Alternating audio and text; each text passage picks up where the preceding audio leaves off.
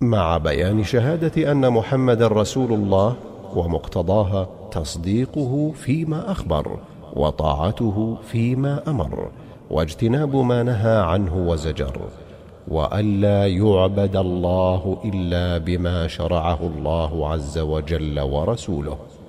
ثم يبين للطالب بقية أركان الإسلام الخمسة وهي الصلاة والزكاة وصوم رمضان وحج بيت الله الحرام لمن استطاع إليه سبيلا. أما شهادة أن محمد رسول الله فلها أركان. منها طاعته في أمره ونهيه. ثانيها تصديقه في خبره. ثالثها ألا يعبد الله إلا بما شرع. إذا أركان شهادة أن محمد رسول الله كم؟ ها؟ ثلاثة. طاعته في أمره ونهيه وتصديقه في خبره واتباعه فلا يعبد الله إلا بما شرع. بعضهم يجعلها أربعة ويجعل الطاعة أمران فيقول طاعته فيما أمر واجتناب ما عنه نهى وزجر وأن لا يعبد الله إلا بما شرع والأول تصديقه فيما أخبر. إذا نحن نعرف أن محمدا رسول الله يعني محمد صلى الله عليه وسلم هو المبلغ عن الله. فبعد أن عرفنا أن الله وحده هو المعبود نعرف أنه لا طريق إلى معرفة الله إلا عن من؟ إلا عن رسول الله صلى الله عليه وسلم. وإذا عرفنا أن الطريق الوحيد المبلغ عن الرسول عن الله هو رسول الله صلى الله عليه وسلم وجبت طاعته في أوامره ونواهيه وتصديقه في أخباره وألا نتجاوز ما شرعه من العبادة فلا نعبد الله إلا بما إلا بما شرع. هذا الأمر الأول. واضح؟ أسأل. تبون ببس. نسأل. الله الظاهر يا كثر الببسي ما نحن. طيب. ثانيا وإقام الصلاة. إقام الصلاة. أدائها كما أمر الله به كاملة أركانها. أركانها وشروطها. فتؤدى في وقتها على الصفة التي كان يؤديها النبي صلى الله عليه وسلم ويقبلها بها من المسلمين. فالذي يصلي الآن الصلاة بعد وقتها من غير عذر. في بعض الناس الآن يصلي الفجر يوميا بعد طلوع الشمس. متى؟ بعد طلوع الشمس. هل هذا من الذين يقيمون الصلاة؟ ها؟ لا. ليس هذا من الذين يقيمون الصلاة. هذا من الذين لا يقيمون الصلاة. لأن إقامة الصلاة تستوجب أداءها في وقتها. وهذا يصر على تأخيرها ومخالفة أمر الله بأدائها في وقتها عندما قال إن الصلاة كانت على المؤمنين كتابا موقوتا والصلاة مثل الصيام ومثل الحج. أرأيتم لو أن رجلا أخر الصيام من غير عذر إلى صفر يقبل منه؟ أو أخر الحج إلى محرم من غير عذر يقبل منه؟ فكذلكم الصلاة. والحج لو أخر لا يقبل لأنه لا يقبل تأخيره بعذر ولا بدون عذر. لكن الصيام والصلاة يقبل تأخيرهما بعذر ولا يقبل تأخيرهما بغير عذر. نعم. وإيتاء الزكاة. إيتاء الزكاة. الزكاة عبادة مالية. عبادة مالية تجب في الأموال التي من الله تعالى بها على ابن آدم. المال مال الله. أعطاك الله إياه وسيرثه عنك ولذلك قال الله والذين يبتغون الكتاب مما ملكت أيمانكم فكاتبوهم إن علمتم فيهم خيرا. وآتوهم من مال الله الذي آتاكم. ويقول الله إنا نحن نرث الأرض ومن عليها وإلينا يرجعون.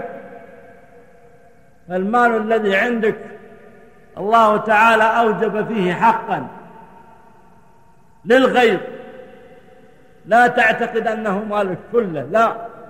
رب العالمين قال وآت ذا القربى حقه ولحقك ها؟ وآت ذا القربى حقه والمسكين يعني آت المسكين حقه وابن السبيل ولا تبذر تبذيرا بعض الناس الآن يهون عليه في زواج بنته يحطه في قاعة بثمانين ألف بمئة ألف. ها؟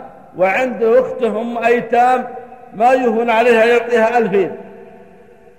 الزكاة عنده مغرم. ها؟ والتبذير عنده كرم. وآت ذا القربى حقه والمسكين وابن السبيل. ولا تبذر تبذيرا إن المبذرين كانوا إخوان الشياطين. وكان الشيطان لربه كفورا. الزكاة إخوتي في الله تجب في الأموال الظاهرة والخفية. رب العالمين أكثر ما أوجب عشرين بالمئة. وأوجب عشرة بالمئة. وأوجب خمسة بالمئة. وأوجب اثنين ونصف بالمئة. فأوجب عشرين بالمئة في الركاز. وهو ما وجده المسلم من دفن الجاهلية.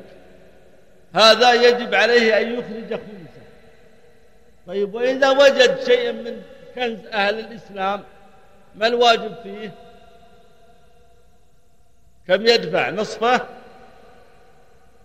لو واحد الآن سكن في قصر قديم لقبيلة معينة فوجد فيه كنز كيس فرنسا. يعرفون فرنسا؟ ريال فرنسي. فما الحكم؟ كم يدفع وكم يأخذ؟ ها؟ أخونا. ها؟ الخمس هذا في الجاهلية. هذا كنز أهل الإسلام هذا لقطة لا يجوز له أن يأخذ منه شيء. مفهوم؟ بعض الناس الآن يقول الحمد لله لقيت كنز. يقول لعياله اسكت اسكت لا تعلمون أحد. يظن غنيمة مسكين. وهو مال حرام لا يحل له. إذا كان في محل مسلمين حكمه حكم اللقطة إن عرف صاحبه يوصله إليه. إذا كان هذا القصر قصر آل فلان لا بد أن توصل المال إليهم إذن الركاز اللي هو كنز الجاهلية كم الواجب فيه؟ ها؟ الخمس عشرين في المية. طيب إنسان عنده مزارع على الأنهار أو على العيون أو على السيل أو على البعل. وما شاء الله جاء رزقه الله بها مئة ألف كيلو قمح. كم رزقه الله؟ مئة ألف كيلو قمح. كم يخرج منها الزكاة؟ ها؟ ها؟ العشر؟ العشر. نعم يعني عشرة بالمية عشرة بالمية طيب لو أن هذا القمح على رشاشات يستخرج الماء بالمكنة ويشتري الديزل ها؟ ويحرث ويبذر كم الواجب؟ ها؟ نصف العشر يعادل كم؟ خمسة في المية. مفهوم؟ طيب لو أن شخصا عنده بقالة يتاجر فيها ما شاء الله راس مالها مليون ريال. كم الواجب في زكاتها ها؟ اثنين ونص ربع العشر. طيب لو أن واحد عنده ورشة سمكرة وميكانيك مفهوم؟ أو عنده عمارة يأجرها تساوي مليون ريال. عنده عمارة يأجرها تساوي مليون ريال. كم زكاتها؟ ها؟ ما في زكاة لها. ولا ورشة سباكة إنما الذي يحصل منها من الإيجار إذا حال عليه الحول يزكيه والواجب فيه اثنين ونص فهمتم؟ طيب بعض الناس الآن عنده فلوس في البنك ويأخذ من الزكاة يجوز؟ ها؟ هل يجوز للإنسان أن يكون عنده مال يزكيه ويأخذ من الزكاة؟ لا لا يجوز هذا حرام. إلا إذا كان يدخر ذلك لزواج أو لمشروع يحتاج إليه. يعني مثل زواج مثل عنده بيت الآن يبي يبنيه يؤويه ويجمع وعنده ويريد أن يأخذ لإكمال بيته هذا يجوز. لكن يريد أن يأخذ ليتاجر ويكثر رأس ماله. وعنده ألف ريال حال عليه الحول. في البنك يجوز أن يأخذ من الزكاة؟ لا. يقول النبي صلى الله عليه وسلم لا حظ فيها لغني ولا لقوي مكتسب. وهذا الذي يحول عليه الحول وعنده مال غني ولا مو بغني؟ ها؟ غني. عندنا بقي من أحكام إيتاء الزكاة. الإنسان إذا كان عنده زكاة هل يدفعها لوالديه لا يجوز للإنسان إذا كان عنده زكاة أن يدفعها لوالده لوالديه أو لأولاده إلا في سداد دين. إذا كان على والدك دين وتريد أن تأخذ من, زكاة من زكاتك لتسدد من دينه فلا بأس. أما أن تعطيه من الزكاة لحاجته لا. الواجب أن تعطيه من مالك لأن على الولد أن يكفي والديه النفقة. إذا عجز عن الإنفاق على نفسيهما يجب على الولد أن يكفي هما أمر النفقة وكذلك الإنفاق على الولد. طيب إذا كان عند الإنسان أخت مزوجة هي وأولادها في بيت وعندها زوج فقير أو هي أم وأيتام. يصرف لها من زكاته؟ نعم. والزكاة فيها أفضل من غيرها لأن الزكاة فيها صدقة ها؟ وصلة يعني الزكاة وصلة أرحام. ففيها أجران أجر الصدقة وأجر وأجر الصلة. طيب إذا كان عند الإنسان زكاة هل يذهب بها إلى المساجد ويعطيها الشحاذين ويوزعها. بعض المساكين يذهب إلى الحرم هناك يجون التكارنة يسوون عليها شو اسمه؟ اجتماع مغلق بالقوة ها؟ مع خمسين ألف يوزع عليهم. يظهر يقول الحمد لله وزعنا الزكاة الحمد لله. هكذا توزع الزكاة. هذا خطأ. الزكاة يا أخي تحتاج إلى جهد للتوزيع. والإنسان إذا أراد أن يضع ماله مثل الذي يضع بذرة. بعض الناس يجي معه بذر فيختار في أرض مخصبة الصاع ينتج مئة صاع. الحبة تنتج سبعمائة حبة. بعض الناس يضع في أرض ها؟ الحبة مئة حبة بعضها في خمسين حبة. وبعضها عشر حبات وبعضها الحبة تموت من الصبر يزرع في صبخ ولذلك أنت في عملك الصالح ابذر واختر الأرض وابحث عن الأرض الطيبة.